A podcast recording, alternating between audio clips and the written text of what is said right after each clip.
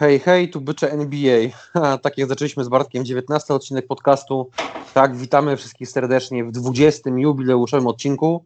Standardowo jestem ja, czyli Marcin, jest ze mną też Bartek, siema. Siemanko. Jest też Marek, cześć. Cześć. No od ostatniego podcastu niewiele się zmieniło. E, Chicago dalej gra e, w kratkę, ale w tą bardziej optymistyczną i pozytywną niż, e, niż negatywną. Obecny bilans 16-18 po tej pierwszej połowie sezonu i chyba takie całkiem dosyć optymistyczne nastroje przed, przed po pierwsze drugą połową sezonu, a po drugie przed najbliższymi pięcioma spotkaniami, prawda Bartek? Pewnie, że tak. Zaczynamy od meczu z Sixers którzy zagrają bez Embida i Simonsa. Wiemy, że brakowało już ich e, w All-Star Game. Pięć meczy to pięć e, okazji do tego, żeby sobie podreperować ten bilans, bo jednak gramy u siebie. To powinno nam służyć, chociaż w tym sezonie chyba tak nie do końca. Ale kolejno 76ers, Miami Heat, Toronto Raptors, Oklahoma i San Antonio. Myślę, że tutaj taki bilans 3-2 jest na spokojnie do, do wyciągnięcia to jest fajne, nie? Bo już powtarzamy to chyba do użygu, ale mamy skład taki sam jak w tamtym roku i przed, przed taką pięciomeczową serią w tamtym sezonie e, no sikalibyśmy po majtkach i bali się, że to będzie 0-5 i, e, i mocne baty od, od praktycznie każdego, a teraz, no abstrahując od, od meczu z Filadelfią, gdzie Filip będzie osłabiona, to tak naprawdę e, biorąc pod uwagę, że do, do rotacji, do składu, do gry wraca Lauri Markkanen i Otto Porter, czyli ta e, rotacja e, meczowa się bardzo, ale to bardzo poszerzy, szczególnie na tych newralgicznych dla Chicago pozycjach, ale jeśli będzie nam sprzyjało szczęście, to, e, to możemy wyciągnąć tak naprawdę wszystkie, wszystkie spotkania. Co ty o tym myślisz, Marek? Z tym szczęściem to u nas jest różnie, więc aż tak optymistycznie nie byłem nastawiony, ale wydaje się 3-2 to jest takie przy tym, co Chicago grało ostatnio, to jest taki must have. I, osłabiona Filadelfia, no, Miami nie wiem, czy gra jakąś taką super koszykówkę.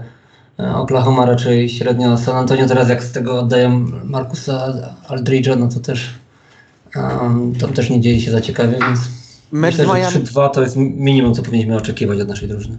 No kluczowe dla tej serii pięciu spotkań będą dwa pierwsze mecze, tak? Czyli Filadelfia dzisiaj i Miami jutro. I to, co jest chyba najbardziej istotne w przypadku e, meczu z Miami, to Miami podobnie jak mi będzie, będzie w spotkaniach back-to-back. E, my nie mamy żadnych limitów i w tych spotkaniach dzień po dniu zawsze gra czy, czy Wendell, czy Zach Lavin, no przede wszystkim Zach Lavin, bo, e, bo to jest nasz lider i on ciągnie team. Można się spodziewać, że jeżeli dzisiaj zagra Lauri i Otto, no to od, najprawdopodobniej odpoczną sobie jutro, no, ale ostatnie 13 spotkań graliśmy bez nich dwóch i, i, i ta gra tak czy siak dobrze wyglądała, a w przypadku Miami, jeśli to będzie back-to-back, -back, to e, w tym sezonie w ogóle w tych meczach dzień po dniu nie bierze udziału Jimmy Butler, co jest bardzo kluczowe dla, dla byków.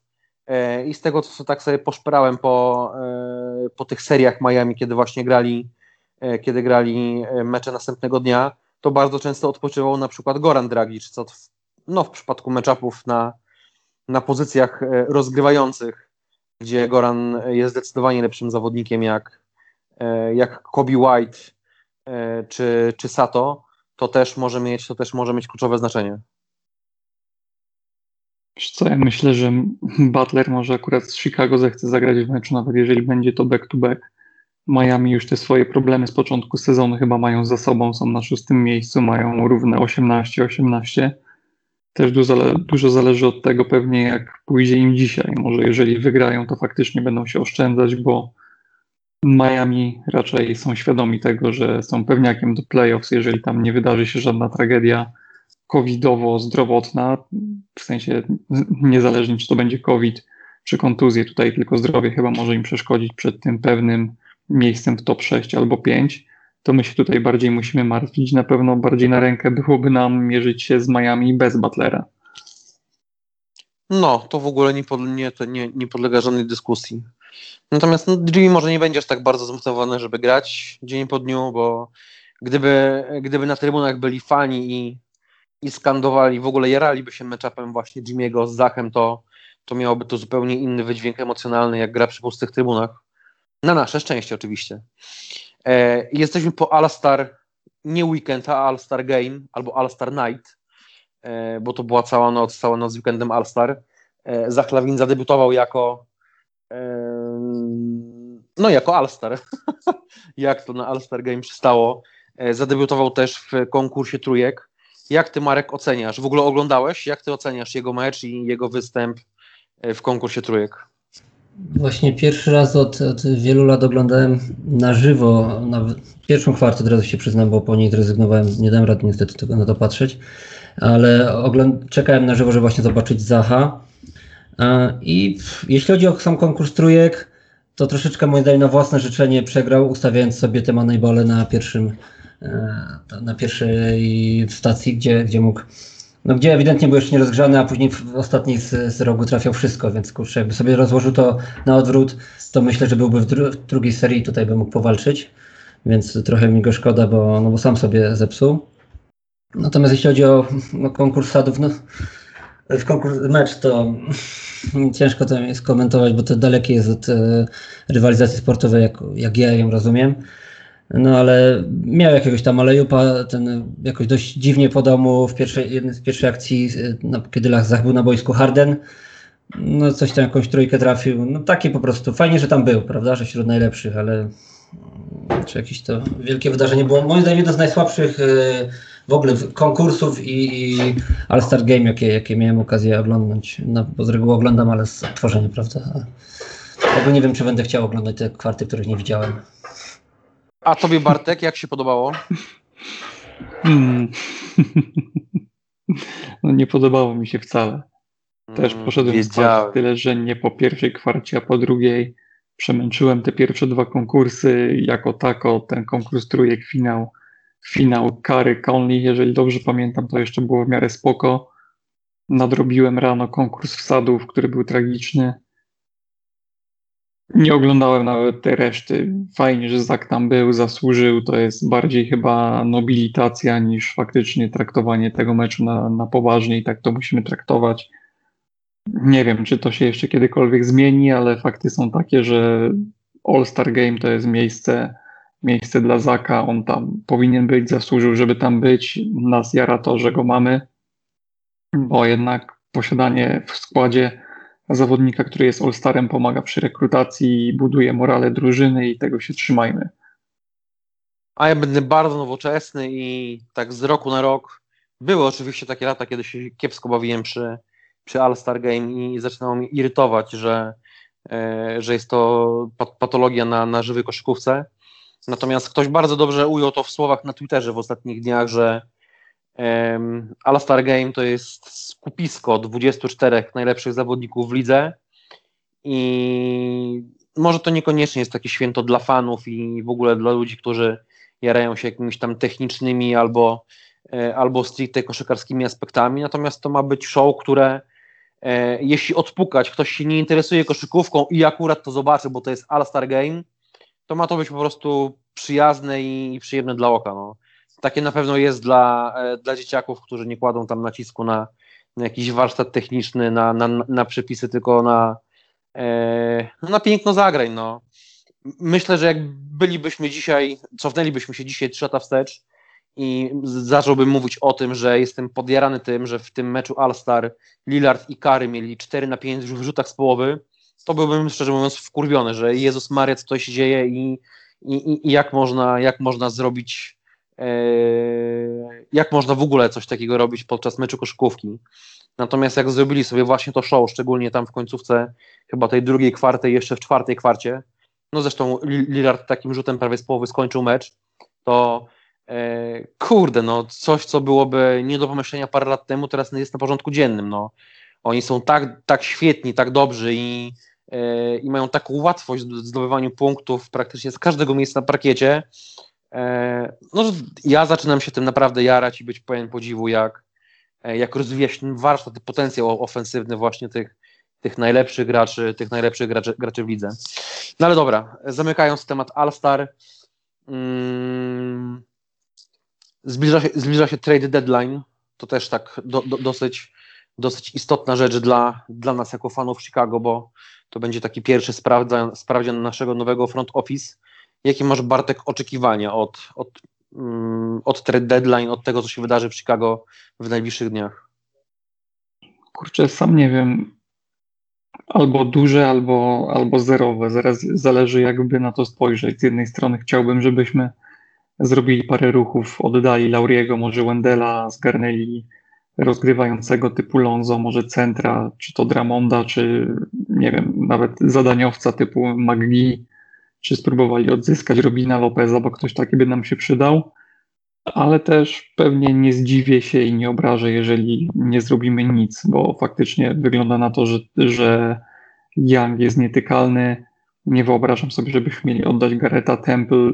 Możliwe, że oddamy Sato w jakiejś wymianie chociaż też Sato wygląda coraz lepiej. Nie wiem, wszystko zależy od podejścia. Jeżeli będziemy chcieli dalej budować chemię i sprawdzać, co, co, jak na tym daleko zajedziemy, to myślę, że nie wydarzy się nic, albo wydarzy się trzęsienie ziemi. Nie mamy zielonego pojęcia, niewiele wychodzi od naszego front office, niewiele wychodziło przed draftem, więc chyba musimy się przyzwyczaić, że ciężko z jakimikolwiek plotkami dotyczącymi ich ruchów. No i zobaczymy, co się stanie. Mamy jeszcze chyba dwa tygodnie albo trzy. Także myślę, że na spokojnie. Tak, niecałe trzy. Mhm. Na spokojnie poczekajmy, zobaczymy. Jeżeli to ode mnie by zależało, to, to wiesz, że wykonałbym jakieś ruchy, bo czasem podsyłam jakieś pomysły wymian, czy to z Minnesota, Orlando, czy już sam nie pamiętam z kim jeszcze wysyłałem te Czyli wymiany. Twoje, twoje top 3 to byłby do pozyskania oczywiście Nikola Wuce, Wucewicz, Kat i, i Dramont, nie? Albo Rubio, jeszcze bym tutaj gdzieś próbował wcisnąć. A, albo jeszcze Rick Rubio. no, Marek, czy a właśnie jakiegoś weterana w typu, typu McGee. Czy kluczowe moim zdaniem jest kwestia e, rozwiązania problemu Lauri Markanena, bo jeżeli nigdzie go nie strajdujemy w tym momencie, no to zostajemy z opcją dania mu wysokiego kontraktu i jeżeli jakiś inny klub e, się na to pokusi, no to możemy go stracić za nic.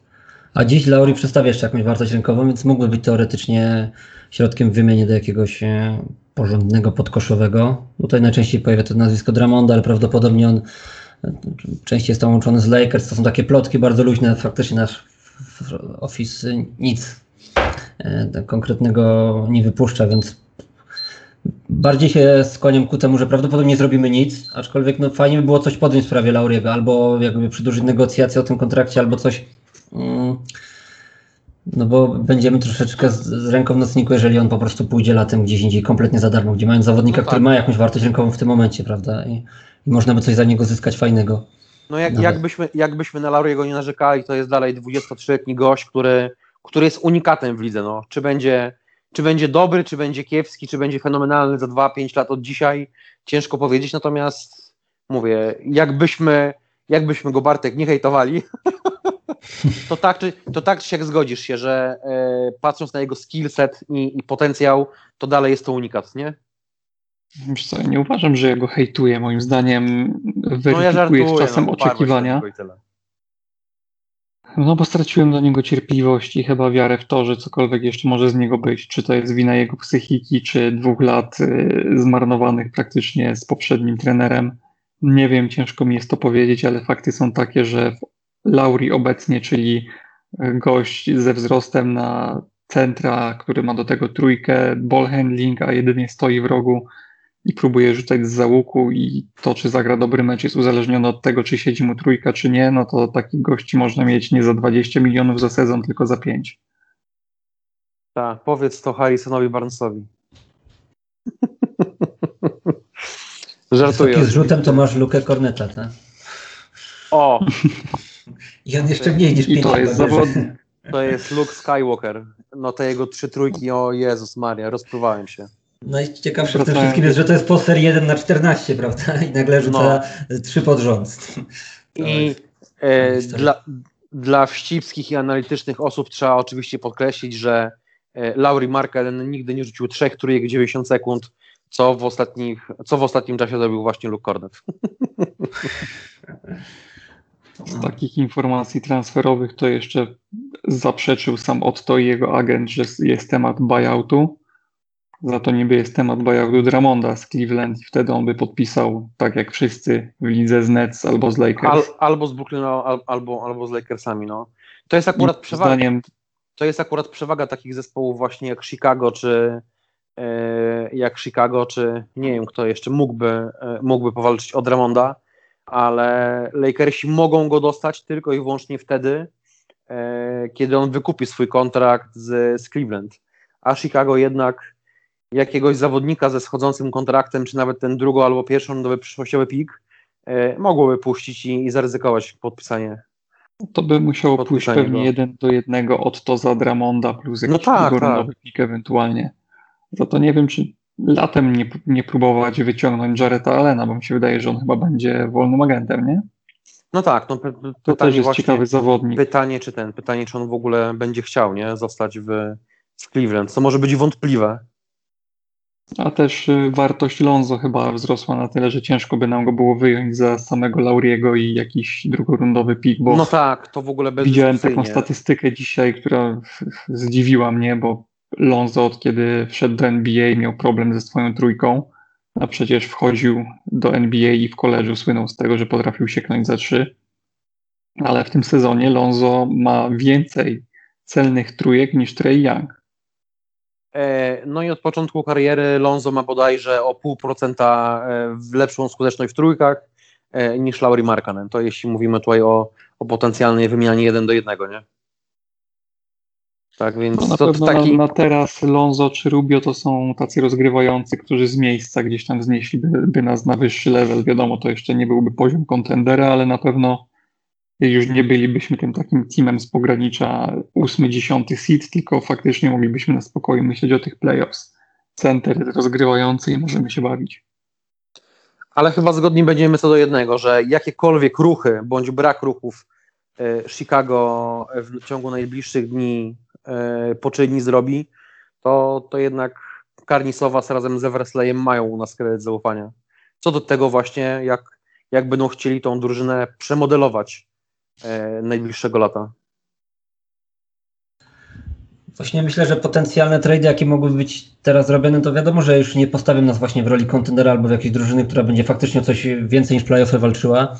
Więc każdy ruch to byłby ra raczej, co bym oczekiwał od, od GMA i od executive e, dyrektora, mianowicie właśnie, żeby to była budowa pod, pod przyszłe sezony, tak, czyli właśnie zawodnik młody, Lonzo Ball jest akurat u mnie na, na pierwszym miejscu, jeśli chodzi o listę bo wydaje mi się, że idealnie pasowałby do drużyny właśnie gościu typu First Pass, który um, umie rozgrywać i, i, i, dzieli się piłką.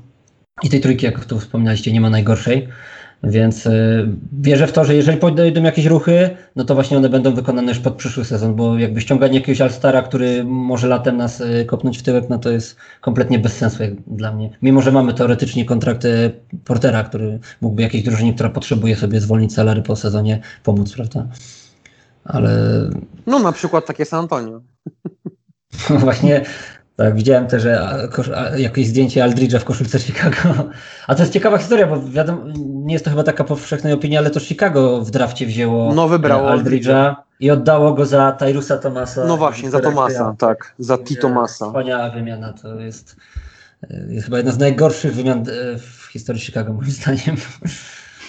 Przynajmniej w XXI wieku. No nie, najgorszą wymianą to było oddanie Tarza Giftona do Oklahomy za e, Camerona Payna i tego Francuza, Loverna czy jakoś tak. A, to... O, tak, ten był dobry gość. No, tylko tam to jeszcze wchodzi chyba inne czynniki niż nie tylko pieniądze, a tutaj przy Aldridge'u, no to nie wiem, czym się kierowano. A, czy Tyrus Thomas nigdy jakąś wielką gwiazdą później nie został, prawda? No, ale miejmy nadzieję, że już przeszłość jest za nami odcięta bardzo grubą linią i te ruchy, które właśnie będą w najbliższym, w najbliższym czasie będą, będą sensowne i ja tylko mam nadzieję i głęboko wierzę w to, zresztą chyba nie ma żadnych plotek, które by tego nie potwierdzały, że jakikolwiek ruch się e, w Chicago nie wydarzy, to to będzie ruch, który będzie świadczył o tym, że e, chcemy liznąć chociaż tego play-in bądź play-offów już w tym roku, że nie będziemy robili jakiejś rewolucji, która w tym momencie e, w tym momencie sezonu spowoduje, że, no, że przestaniemy liczyć się w zwycięstwach o, o, o zwycięstwa w meczach z z tymi zespołami, które pokonywaliśmy, można powiedzieć, że na luzie w pierwszej połowie sezonu, tak? Czyli Oklahoma, Houston, e, Detroit i tak dalej, i tak dalej. Ja myślę, że też bardzo ważne, jest takie budowanie też, to co kiedyś było podkreślane przez Formana jeszcze, jak ta drużyna grał, jak grał Wade i Rondo, że takiej kultury wygrywania, prawda? I tutaj też ważne, żeby już w tym sezonie coś takiego rozpocząć, żeby nagle właśnie nie zacząć e, odpuszczać sezonu, no bo i tak nic wielkiego nie ugramy, a może w przyszłym będzie lepiej, tylko właśnie, żeby już tych zawodników uczyć wygrywać, żeby no tak, to była w końcu drużyna z, pod, z podatnim bilansem, nie? No oni muszą liznąć w końcu czegoś więcej niż e, zwykłe mecze sezonu regularnego. Mecze, które się liczą, które mają troszkę inny ciężar gatunkowy i to na pewno pomoże. A jeszcze w temacie wymian to chyba temat walki o jakiegokolwiek All-Stara odpada, chyba że faktycznie ten Włóczewicz, bo jeszcze ma dwa lata czy tam trzy kontraktu, więc to nie jest tak, że oddamy pół drużyny za kogoś, kto po sezonie nam powie nara. I to jest godne rozważenia. Pytanie, czy Orlando chcą iść w przebudowę i czy my chcemy zrobić aż, aż tak poważny krok. No tak, no pozyskanie Nikoli Wucewicza wiązałoby się z tym, że że musielibyśmy oddać jednak więcej jak jednego zawodnika i najprawdopodobniej dorzucić jeszcze jakiś pik. To, to już byłaby taka mocna, mocna ingerencja w rotację. No ja wysłałem Ci taką wymianę, w której do Bulls przychodził Furnier i Wuczewicz, a w drugą stronę szedł Otto, Lauri, Wendell, pik pierwszej rundy 2021 i drugiej 2022. Eee, Odpisałem ci chyba wtedy, że to biorę, nie? Pytanie, czy to by wystarczyło? No tak, pytanie, czy to by wystarczyło i. Nie wiem, ja, ja, ja, może, ja może jednak jeszcze trochę serduchem rozważam tą, tą wymianę, bo e, oddanie, oddanie i Wendela, i Lauriego, jeszcze potencjalnie pik za, za Nikolę Wucewicza, no bo nie uważam, żeby Iwan Fournier był jakąś dużą wartością dodaną dla Chicago to czy to nie jest przypadkiem za dużo? No, może to jest. Ale Furnier to jest schodzący kontrakt, chodzi tylko o wyrównanie salary, a Orlando de facto po sezonie zostają z miejscem w salary, zostają z Wendelem na rok i dwoma pikami, więc to też nie jest tak, że oni zyskują kilku graczy i, i super piki, bo nasz pik to już nie będzie pik w top 5 czy 10. No nie, to będzie, dwa, to będzie 20. O drugorundowym w ogóle, jak dla mnie, możemy możemy zapomnieć. To, co zrobią z Laurim, to będzie już tylko i wyłącznie w ich kwestii, więc zostanie im rok Wendela i dużo miejsca w salary. Także myślę, że nie jest to taka zła oferta pod kątem tak przebudowy zwane, czy ewentualnych podpisów innych graczy. Tak zwane we will see. I to już niedługo. Ja nie byłbym fanem akurat tej wymiany, bo oddawanie Wendela i Lauriego to jest, nie wiem, to, to jakby całkowite odcięcie się od tych lat, które poświęciliśmy na ich rozwój, które no i właśnie, im szansy. I właśnie z jednej strony kierując się serduchem, nie wiem, czy to byłoby dobre, natomiast z drugiej strony takie odcięcie się od tych poprzednich lat i pozyskanie na przykład Nikoli Wucewicza, czyli drugiego Alstara, który ma jeszcze dwuletni kontrakt, to, to, to może byłby swego rodzaju taki naj, najrozsądniejszy ruch, no, bo czy Nikola Wucewicz jest lepszy jak Wendell jest, czy jest lepszy jak Lauri, zdecydowanie jest. Czy jest lepszy jak oni we dwóch? Nie można tego chyba rozpatrywać właśnie, czy, czy lepszy jak oni we dwóch, bo, e, bo Lauriego może za chwilę nie być za free, no tak więc mówię, ja nie, nie jestem to jakąś kwestia, dobrą... Kwestia tego, czy uważacie, że Lauri jest warty dużych pieniędzy, czy Wendell kiedykolwiek będzie topowym centrem z pierwszej piątki drużyny walczącej o cokolwiek. Moim zdaniem nie. Nie, to będzie, to będzie backup. na już. To Lauri taki... i Wendell razem wzięci nie dają na boisku tyle, co daje taki Wuczewicz. Wendell nie to ma będzie gwarancji, to... czy któryś z nich kiedykolwiek osiągnie taki poziom. Moim zdaniem serce to jedno, a fakty i to, co się dzieje z tymi zawodnikami, to drugie. Jest Patrick Williams, więc Wendell nie będzie też raczej e, power forwardem u nas. Więc szkoda, to też źle dla jego rozwoju, bo on męczy się na centrze, a na czwórce u nas na pewno nie zagra. Lauri nie zagra Wendell... na piątce, a na czwórce raz, że jest Williams. Dobra, Williams może być na trójce, ale Lauri nie daje żadnych argumentów za tym, żeby nadal w niego wierzyć. E, umówmy się, chciałem powiedzieć, że Wendell to w rotacji naprawdę mocnego, liczącego się w walce o tytuł zespołu nie może mieć roli większej, jak swego czasu miał w Chicago Tash Gibson. Jako ten six-man, walczak, fighter, gość, który e, wejdzie, coś przyblokuje, poda, zbierze, rzuci te właśnie 6-10 punktów i, i, to tyle. No.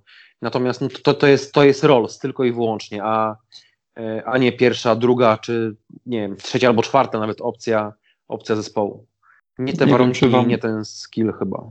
Nie wiem, czy już o tym mówiłem w poprzednim podcaście, czy to usłyszałem, czy wyczytałem to gdzieś po, ale mm, odnośnie Wendela taka wypowiedź była, że Wendell jest rozpatrywany jako ten gościu, który największą wartość daje y, swoją obroną, ale z drugiej strony jest ściągany z parkietu w decydujących minutach, bo nie jest w stanie bronić centrów drużyny przeciwnej. E, to chyba o tym rozmawialiśmy któregoś, nie, nie wiem czy na podcaście, ale tak, no to to już był tam temat poruszony. Także dla mnie, mówię, bez żalu jestem w stanie pożegnać jednego i drugiego. Nie mówię, że Wendell nie zrobi kariery w NBA. Myślę, że po prostu u nas on potrzebuje gdzieś indziej się sprawdzić, gdzie, gdzie będzie mógł walczyć o miejsce jako ta czwórka. I tam myślę, że może być serio fajnym zawodnikiem. W Lauriego nie wierzę już kompletnie, chociaż życzę mu wszystkiego co najlepsze, a jeżeli możemy zyskać drugiego All-Stara i pokazać, że stajemy się poważną drużyną, to myślę, że nie ma się nad czym zastanawiać, nawet kosztem dwóch pików które i tak niczego nie gwarantują. A koniec końców decyzję podejmie Arturas. Aha.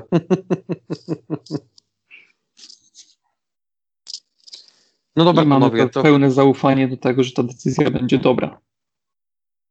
Tak, miejmy nadzieję, że tak.